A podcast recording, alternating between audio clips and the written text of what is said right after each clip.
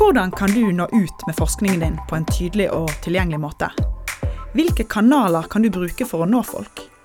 I denne podkastserien møter du forskere og kommunikasjonseksperter som har knekt formidlingskoden, og de gir deg de beste tipsene. Velkommen til Forskning til folket. Jeg heter Mari Lund Eide, jeg er forsker, og jeg synes formidling er superviktig. Å formidle fagkunnskap i forelesninger til studenter, det er kanskje den formidlingen som forskere gjør aller mest av.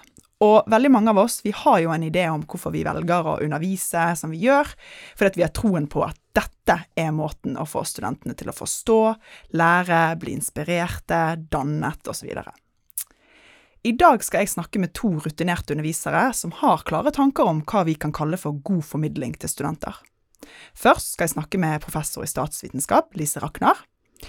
Og Lise, du har jo rykte på deg for å være en spesielt engasjert underviser. Jeg tror jeg har lest et sted at du får så mye energi av å undervise for en 100 studenter at du bare vil fly ut i rommet. Eh, velkommen til deg, Lise. Hvorfor får du en så god følelse av å formidle ditt fag til studenter? Så først, tusen takk for at du ville ha meg her. Eh, og så må jeg bare si at det er ikke alle forelesninger jeg flyr ut av salen etter. Dette er på en måte den virkelig gode opplevelsen. Og for meg, det er den jeg søker. Det, det, er liksom, det er på en måte den følelsen jeg vil ha. Og for å få den følelsen, så må jeg gå inn bitte lite grann nervøs. Og det, kan jeg bare, det, det, er sikkert vanskelig for unge folk som nettopp skal inn i, i undervisningskarrierer å forstå, men selv etter 25 år i, som foreleser, så er jeg alltid bitte litt nervøs når jeg går inn. Jeg er alltid nervøs på om jeg skal treffe, treffe publikum, og, og få til den energien i rommet som jeg trenger, eller, og som jeg trenger for å få formidlet det som er viktig for meg. Og det som er grunntanken med all min formidling, det er rett og slett å formidle mitt eget engasjement for det, for det jeg er satt til å snakke om. Ved å formidle mitt eget engasjement, så er målet mitt å få studentene, eller hvem som helst som er i publikum, det kan jo være på senioruniversitetet, det kan være hva som helst, å få de til å, at, å, å, å treffe noe med mitt engasjement for faget. Den gode følelsen når jeg flyr ut av rommet, det er når Går det an å bruke et sånt ord som magisk? Når det oppstår noe magisk. Det er nemlig hvis du har 100 personer i et rom, og du føler at alle er litt fremoverlent. Du, bare du merker at du har rommet. Når det skjer, da har det oppstått. Det her møtet, dette kommunikative møtet mellom meg og de, og jeg har greid å formidle kunnskap og engasjement. Mm. Men nei, det er ikke alle dager. Dette, dette, er idealforelesningen. Mm. det fins de mer vanlige hverdagsforelesningene også. Ja, og det er jo litt sånn spørsmålet her, da. Eh, mye av denne undervisningen skjer i jo kanskje store auditorium foran veldig mange studenter på en gang. Det kan være 100, eller det kan være 200, eh, liksom. Hvordan kan man formidle til godt da, til så store grupper? Hva er noen av de grepene du gjør for å få treffe så, så mange? Jeg syns det er veldig gøy at du stiller det her spørsmålet, fordi um, når jeg skulle gjøre min sånn universitetspedagogiske utdanning, så var det en ting som slo meg. Nesten alt som er skrevet om universitetspedagogikk, sier Det de sier om å undervise i store saler og undervise for store grupper, De, de sier nesten ingenting om hvordan, de sier nesten bare ikke gjør det. Ja. Og det, dette er liksom ifølge, ifølge all litteratur om universitetspedagogikk, så dette er helt feil. Men virkeligheten er jo at det er det vi gjør mest. Og nesten all, i hvert fall på SV-fakultetet og på, ja, på, på juss andre steder, så er jo det på bachelornivå alltid store forelesninger. Så det er litt fascinerende at vi ikke får noen hjelpemidler til å gjøre det, når det er faktisk det vi skal. Så hva gjør jeg? Det er viktig å engasjere også et publikum med mange hundre, og jeg kan ikke stole på at jeg har så mye jeg skal si sånn star power, at jeg klarer å få med meg alle til å bare limer blikket sitt på meg, og alt som kommer ut av munnen min, suger de til seg. Sånn er jo selvfølgelig ikke virkeligheten. Så her er det mange små grep. Det ene er å ha pauser. Tenkepauser, skrivepauser, snakk med naboen-pauser. Jeg tror det er sjelden jeg snakker mer enn ti minutter før jeg har et sånn, skal vi kalle det et pausebilde. Og da er det sånn, sett deg ned og tenk. Snu deg til venstre, snu deg til høyre, snu deg bakover. Og så gjør du noe sånn eh, engasjert.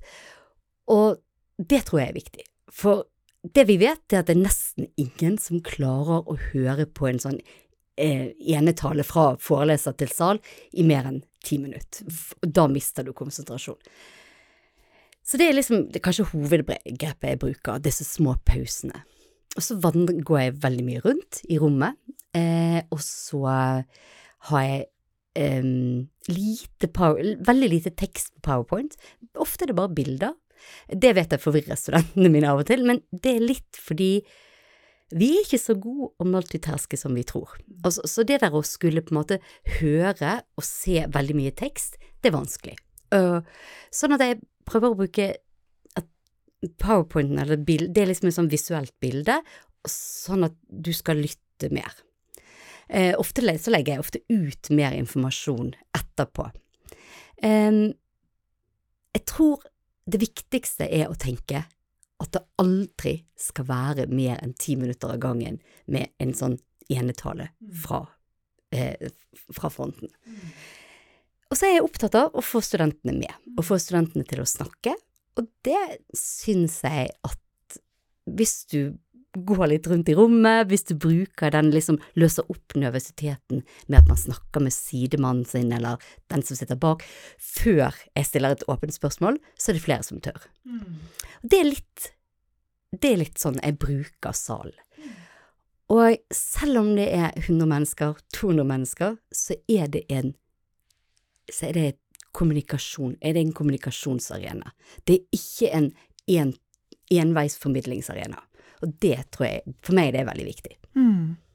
Det er veldig interessant å, å, høre på hvordan du løser eh, det. Um, nå skal vi over til å snakke om noe litt eh, annet, og det handler om eh, dette med undervisning og pandemi. da.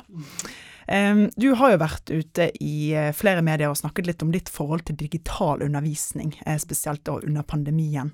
og jeg tror en overskrift gikk så langt som å hevde at du hatet å undervise på Zoom under pandemien. Um, hvilke begrensninger tenker du at digital undervisning eh, har? Kan vi egentlig drive god formidling eh, ved å undervise digitalt, tenker du?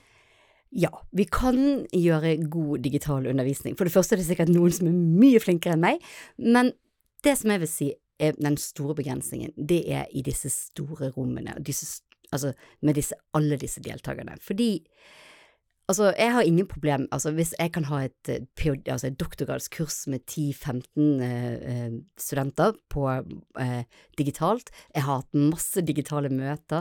Forskergruppen min har befunnet seg i seks forskjellige land under pandemien. Det går helt fint.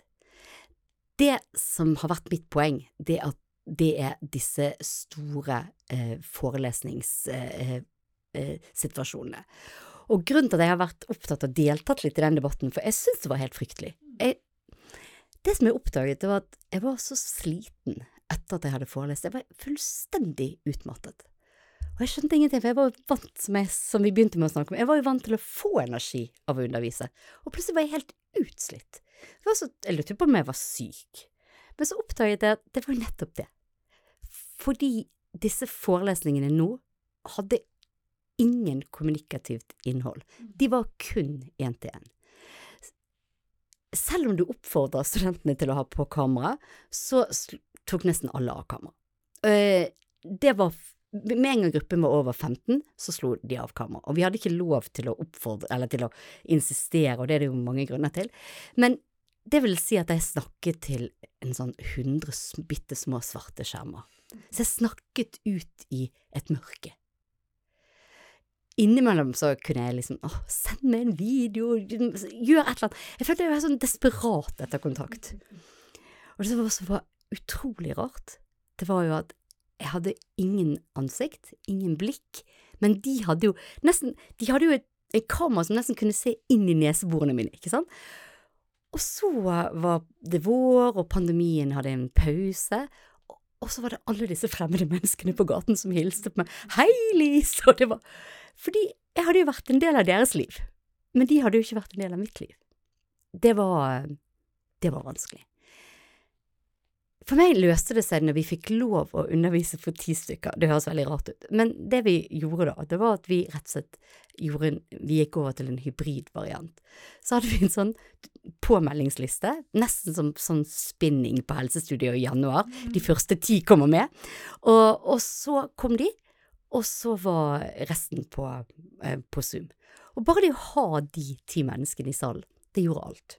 Fordi at da var det noen å kommunisere med. Og, så, og det, den energien føler jeg gikk på en måte ut på Zoom. Og det ble det her, det ble faktisk veldig gøy, for det var flere studenter som sa det, den Zoom-lenken, og det der å komme med på den fysiske forelesningen mandag, det var det som fikk meg opp mandag morgen. Og da ble det en sånn greie mellom studentene at det var om å gjøre å komme seg og få, vært, få ha vært med i salen én gang. Så det ble en sånn gimmick. Og det var den andre koronavåren, det var det som reddet meg. Det var, men det bare forteller meg, det går ikke an å formidle uten å kommunisere. Og for å kommunisere så må du ha noen Du må ha et fjes. Du må ha et ansikt. Du må ha, du må ha noe levende foran deg. Det var, det var det jeg lærte under pandemien. Altså, ellers å snakke inn i en blikkboks, det, det kan alle gjøre. Det, men det er, ikke, det er ikke formidling. Nei. Og det var ikke noe for deg? Nei. Nei. Absolutt ikke. ja. Men altså, det er jo veldig interessant å, å høre fra andre forskere, både for meg som er fersk, men altså andre folk, å få litt sånn innblikk i hvordan kollegaer jobber med, med formidling i undervisning. Vi står jo ofte litt sånn alene i de her rommene våre da, og når ut til uh, studentene. Um, altså, bruker du mye tid på å snakke med andre forskere om formidling, og, på en måte dele sånn Ja, sånn jobber jeg med eh, formidling, og sånn tenker jeg når jeg holder på og underviser. Eh, er det liksom et, et tema mellom forskere eh, til tilstrekkelig grad, syns du? Nei, absolutt ikke. Det er litt sånn Det, øh, det, det er veldig rart. Fordi hvis du tenker på en, en sånn forskerkarriere, så er jo halvparten er undervisning og formidling, og halvparten er forskning. Og all forskningen, den deler du jo, og den liksom utsetter du for fagfellevurderinger. Du reiser på konferanser, hvis du skal publisere en paper, så er det minst tre fagfeller som har vurdert arbeidet ditt. Så all forskningen din er liksom vurdert av dine fagfeller. Men undervisningen er jo aldri det. Det, det er jo aldri noen som sitter bak og, eller som, formi, som, formid, som vurderer formidlingen din, gir deg karakter på hvordan altså, Så dette er jo helt privat, og det er veldig rart, for det er halvparten av jobben din.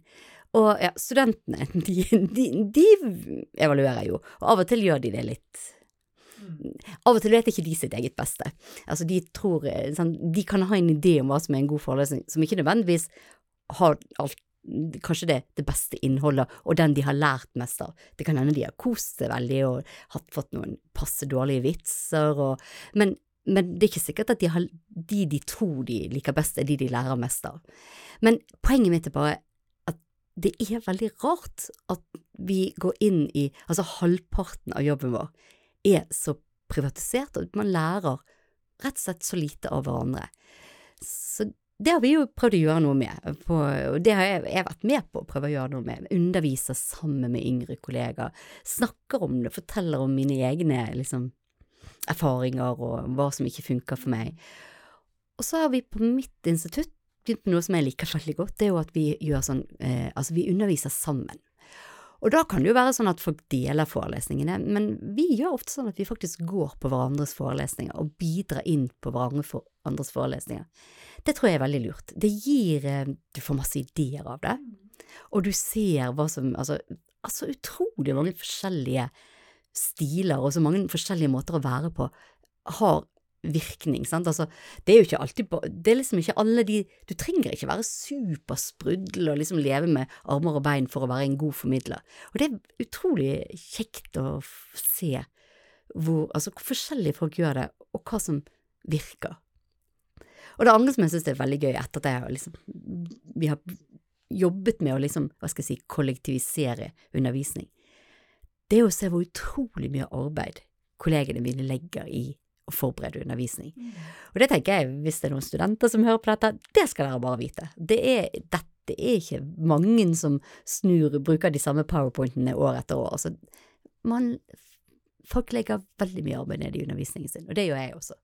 Veldig mye arbeid.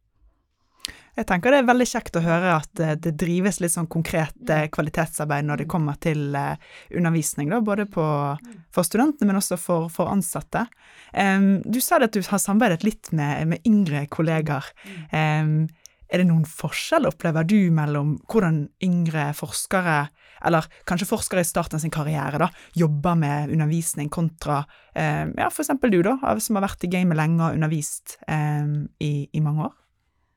Altså, klart det er forskjeller. Altså, det er kanskje det du gjør, eh, den liksom klassiske, hva skal jeg si, trappen sånn når du er ganske ny, det at du er livredd for å ha for lite stoff. Så du forbereder alltid for mye.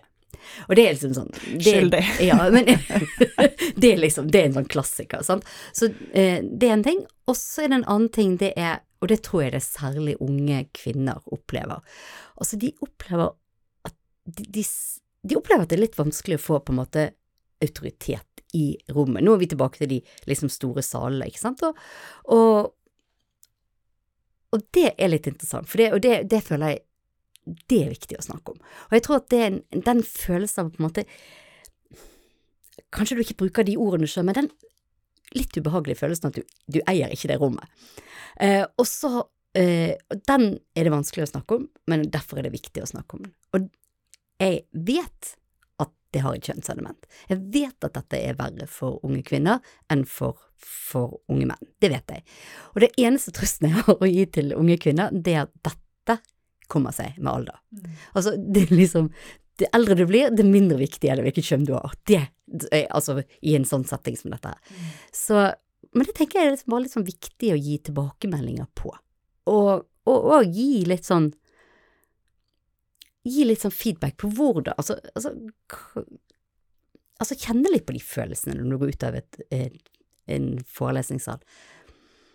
Det er nesten ingenting som er vondere enn å ha en dårlig forelesningserfaring. Altså, studentene har en kjedelig forelesning. Vi har jo ukevis med altså, nesten litt skamfølelse. Altså, det er, en, det er en utrolig ubehagelig følelse. Og det, og, og det er viktig for meg å formidle. At den er ikke Altså, det er mange Den er ikke bare din. Mm. Den har vi alle kjent på. Og det, det er viktig å snakke om det. For det er Det er så det er så nakent å stå der foran en stor gruppe med 19-20-åringer som på en måte med kroppsspråk og med alt gir uttrykk for at de er totalt uinteressert i det du driver med. Mm. Og liksom, hvordan, liksom, altså, hvordan kommer du over den, og tar liksom tilbake rommet? Og liksom det å få snakke om de følelsene etterpå, det, det tror jeg er litt det, det tror jeg er litt undervurdert. Og jeg, skulle, jeg håper at, eh, sånn som du som er starter ut i faget nå, at du får den, altså du får den type samtaler. At det er liksom At det er noen der som, er, som tar de samtalene, og som, og som forteller det at sånn er det for oss alle. Mm. Og det, ja, det tror jeg er viktig. Ja. Det håper jeg også. Jeg syns eh, i hvert fall at eh, det å høre at du eh, sier det som en sånn etablert underviser, er, er veldig eh, kjekt, og det hjelper veldig. Så jeg tror også at den utvekslingen der kan ha veldig mye for seg, altså for å bygge den her selvtilliten som gjør at du heller går ut og kjenner på, på stolthet og frihet og ja. Eh, etter en forelesning heller enn eller sånn skammen og sånn som du sier, du har kledd deg helt naken og du har ikke fått noe igjen for det. Mm.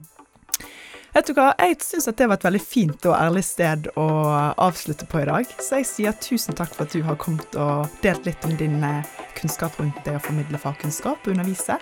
Eh, så hjertelig tusen takk for at du gjestet podkasten. Tusen takk for at du ville ha meg. Nå skal vi prate med Birger Solheim, professor i tysk litteratur ved Institutt for fremmedspråk.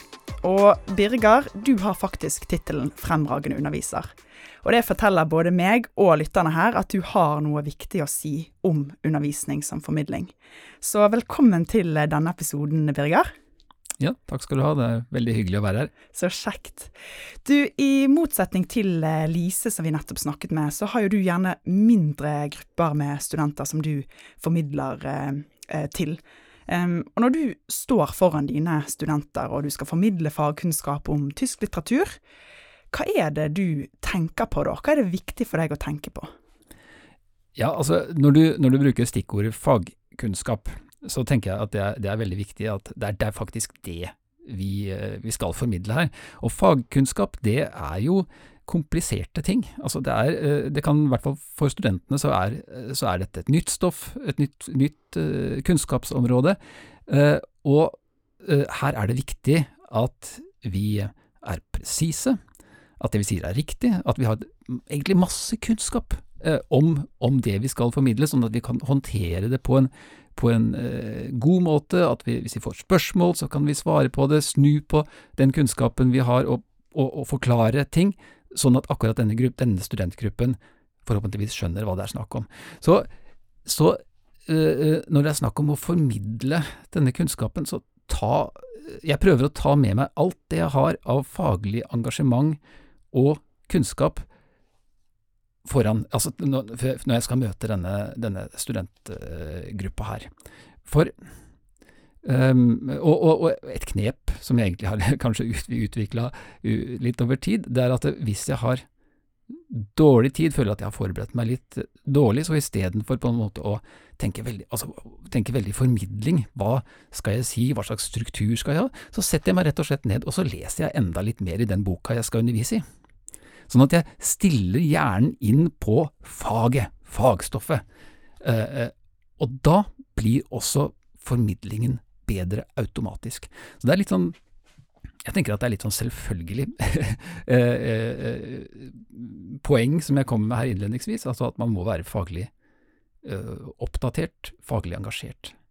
Um, og så, ja du sier altså det er jo, det er jo tysk språk vi driver på med her, men uh, vi har også fagstoff knytta til altså litterær analyse og til historie og, og sånne ting. Og, og og her har jeg blitt mer og mer klar over hvor viktig det er med god planlegging. Altså Nå sier jeg nesten noe litt imot det jeg sa her i stad, med, med, med, kunnskapen, men, men, eh, men, man må selvfølgelig også planlegge veldig godt eh, for at dette skal bli forståelig. Altså Med det så mener jeg ja, rekkefølgen som man presenterer ting i, altså eksempel i en slags forberedelsespakke som studentene får. Rekkefølgen, akkurat formuleringene som er godt egnet til å forklare dette vanskelige stoffet. Altså, man må faktisk jobbe med det, altså. Uh, og, og, det at man legger inn arbeidsoppgaver som virkelig godt belyser det det er snakk om i dette tilfellet her. Ha en god plan. Det er kjempeselvfølgelig. det burde nesten være umulig, nesten unødvendig å si. Jeg tenker gode lærere har alltid gjort dette her. Man trenger ikke pedagogisk utdannelse for å skjønne at god mm. planlegging er, er, er viktig. Så før jeg da møter den lille studentgruppen min, så, så har jeg forhåpentligvis da en god plan, sånn at det, forberedelsene kan de gjøre nesten som et selvstudium. Ja. Så, så logisk og greit må det være. Ja. Og forberedelse er litt sånn her, eh, kanskje stikkordet her i din eh, undervisning, og litt, og litt av grunnen til òg at du er her. fordi det er ikke så lenge siden jeg deltok på et uh, webinar der du fortalte om et uh, prosjekt du har hatt gående, uh, hvor du bruker liksom digitale hjelpemidler til å fremme mer studentaktivitet og, og motivasjon da, i dine fag. Um, og det, dette handler jo litt om dette med forberedelse. Kan du fortelle litt mer om hva det prosjektet gikk ut på, hva liksom som var tanken bak å, å begynne med dette prosjektet? Ja, nå høres det nesten ut som jeg har et prosjekt som er litt sånn unikt for meg, men egentlig så er det jo alle ansatte, alle de faglige ansatte på universitetet, eh, eh, ble jo på en måte veldig sterkt oppfordra til å ta i bruk disse digitale eh, hjelpemidlene. Og da tenker jeg ikke i første omgang på, på, på Zoom og online-undervisning, men jeg tenker på, tenker på, disse læringsplattformene, sånn som vi bruker jo Canvas på universitetet, eller vi kaller det for Mitt UiB. Og, og um, det er jo så Det er jo så mange ting vi egentlig nesten pålegges å skulle gjøre som undervisere, av, av, av fantastiske idealer som vi egentlig skulle ha. Vi skal ha studentaktiv læring, vi skal ha forskningsbasert læring, problembasert læring. Uh, og uh, flipped classroom, og, og kanskje dette som Hva er det de kaller det igjen? Uh, meningsfullt samsvar mellom de ulike delene. Uh, constructive alignment er det engelske, engelske, ordet for det. Og man kan jo bli helt lam, eller helt lamslått, av, av, alt det man skal gjøre. Og når jeg da fikk den faste stillingen på tysk i, i 2016, og, og, gikk på disse kursene på Canvas, og, tenkte, og, og samtidig fikk alle disse her eh, ble påminnet alle de tingene man egentlig skulle gjøre i undervisningen, så, så, tenkte jeg dette får jeg aldri til. Det er jo ikke sånn jeg underviser, jeg pleier jo bare å ta en bok under armen og løpe til forelesning. Men så oppdaga jeg da, nå kom jeg til poenget, så oppdaga jeg da etter hvert at, at, at, Canvas hadde denne her modulfunksjonen, der hvor det var så utrolig deilig å begynne å planlegge stoffet, og lage det nesten som et sånn selvstudiumsopplegg, selvstudiumsopplegg som, var, eh, så, som ble mer og mer effektivt for studentene. Eh, eh, sånn at man da jo, da jeg da hadde, hadde allerede begynt å få en struktur på dette, så kunne jeg begynne å planlegge inn ja, studentaktiv læring, problembasert læring.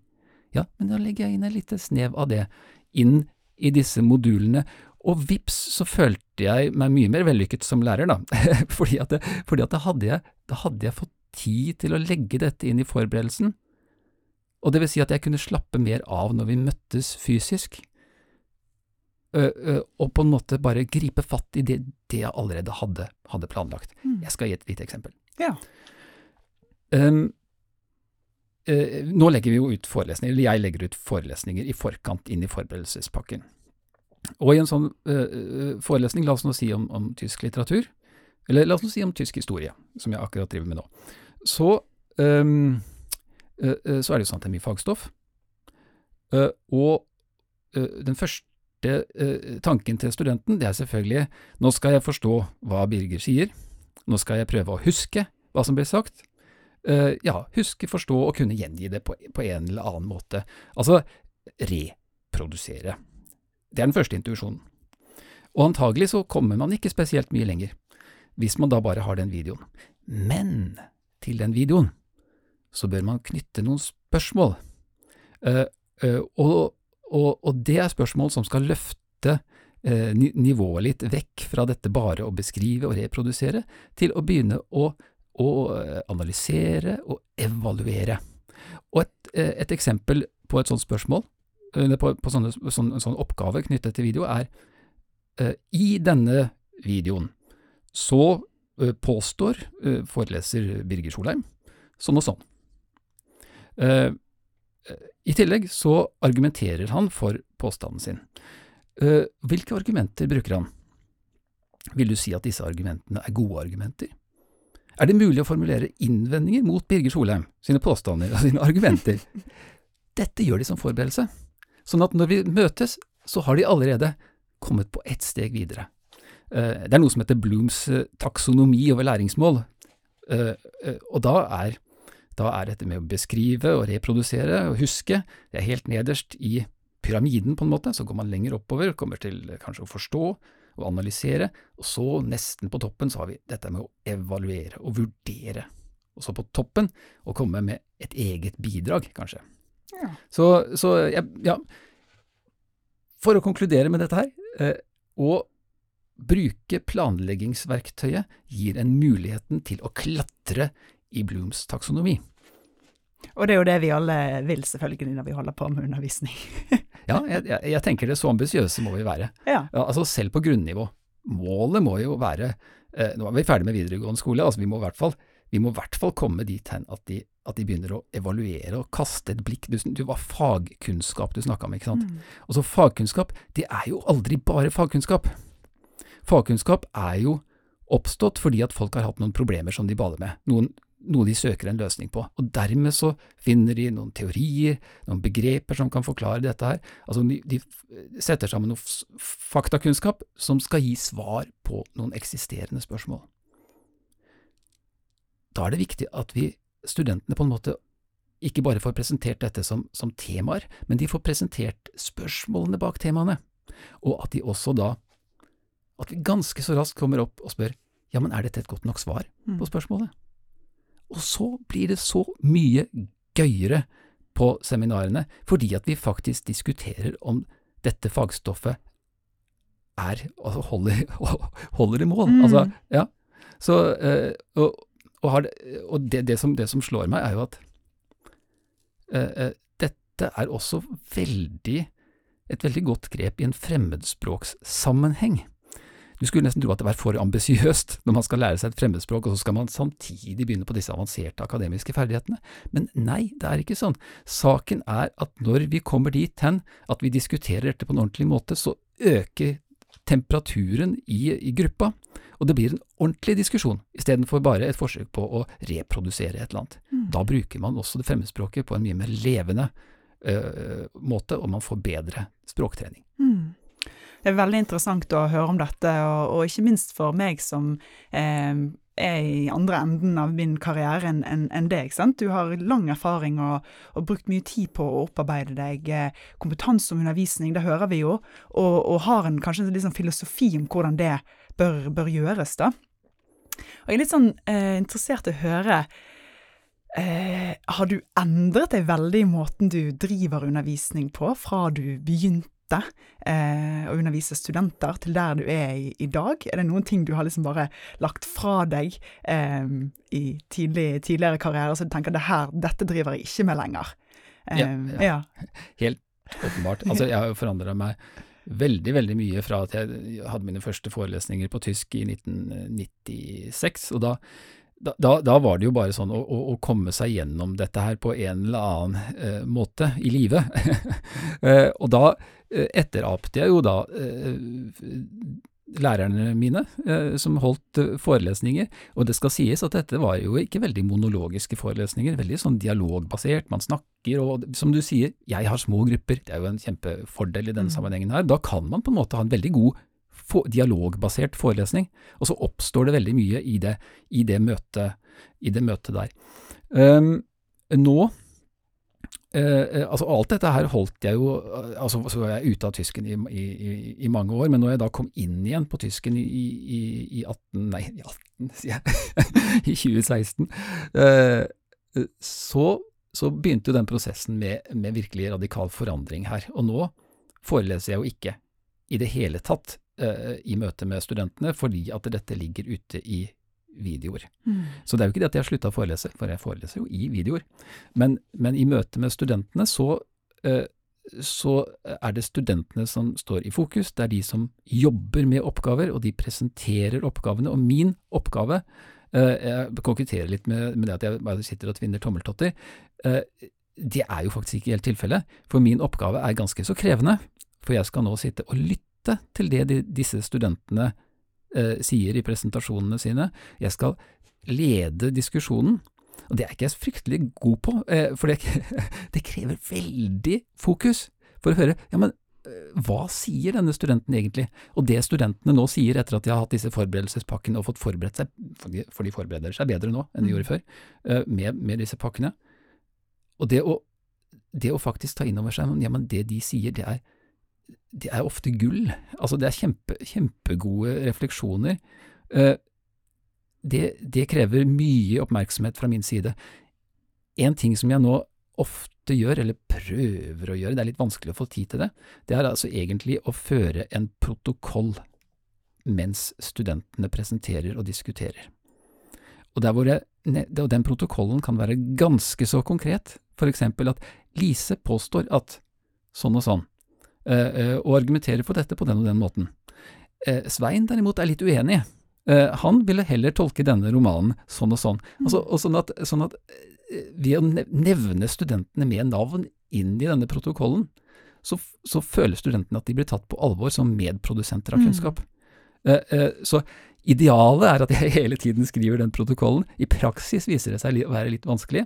Det kan løses med at det kanskje en en, en, en, en student får i oppdrag å skrive mm. dette.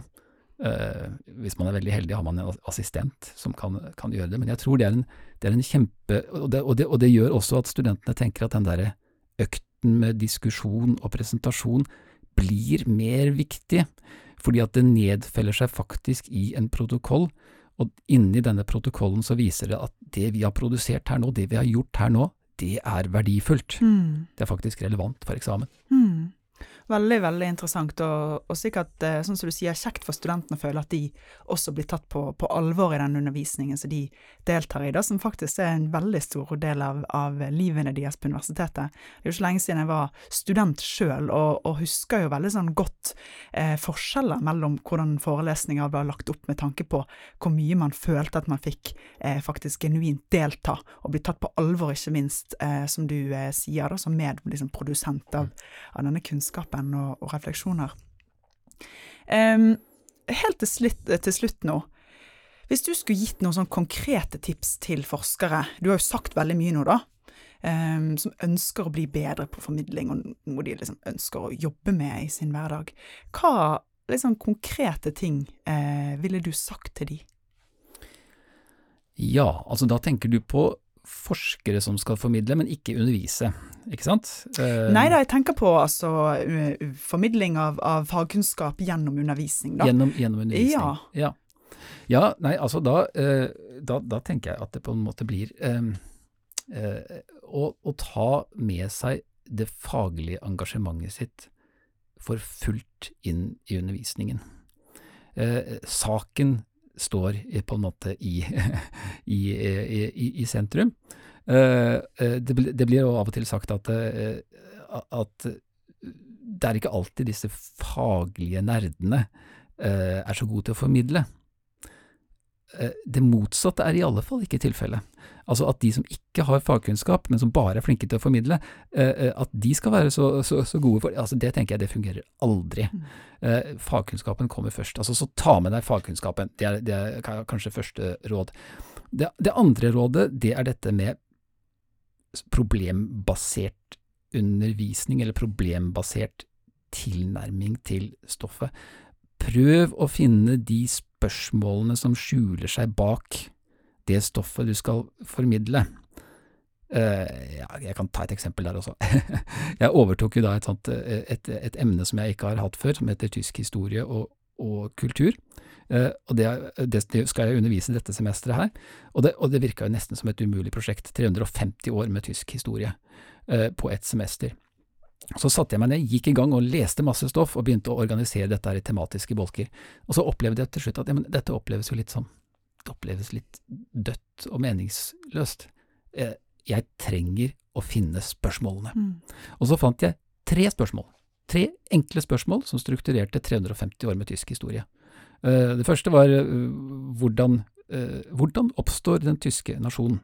Da fikk jeg 200 år på ett spørsmål. Det neste, hvordan, hvorfor går det så fryktelig dårlig med denne tyske nasjonen?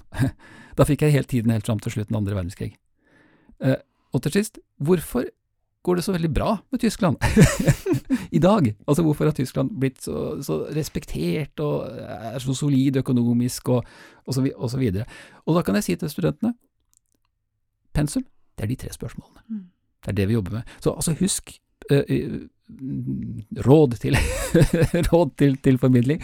Husk, husk å, å, knekke det ned til interessante spørsmål som, som tilhørerne på et eller annet vis da kan eh, engasjere seg i umiddelbart. Det, ehm, ja, det vil jeg si. Mm. Det skal jeg i hvert fall ta med meg inn i min egen eh, undervisning, merker jeg. Eh, og jeg tenker òg det at det er et veldig fint sted å ende denne episoden. Så da vil jeg gjerne si tusen takk for at du kom og delte litt om eh, hvordan du holder på med undervisning og formidling, og ikke minst at vi fikk æren av å få besøk av en fremragende undervisning i eh, podkaststudio. Så tusen takk for deg for besøket, Birger. Ja, tusen takk. Det var veldig hyggelig å være her. Takk for at du hørte på Forskning til folket. Jeg heter Mari Lund Eide, og denne podkasten finner du der du hører på podkast, og på forskningtilfolket.no.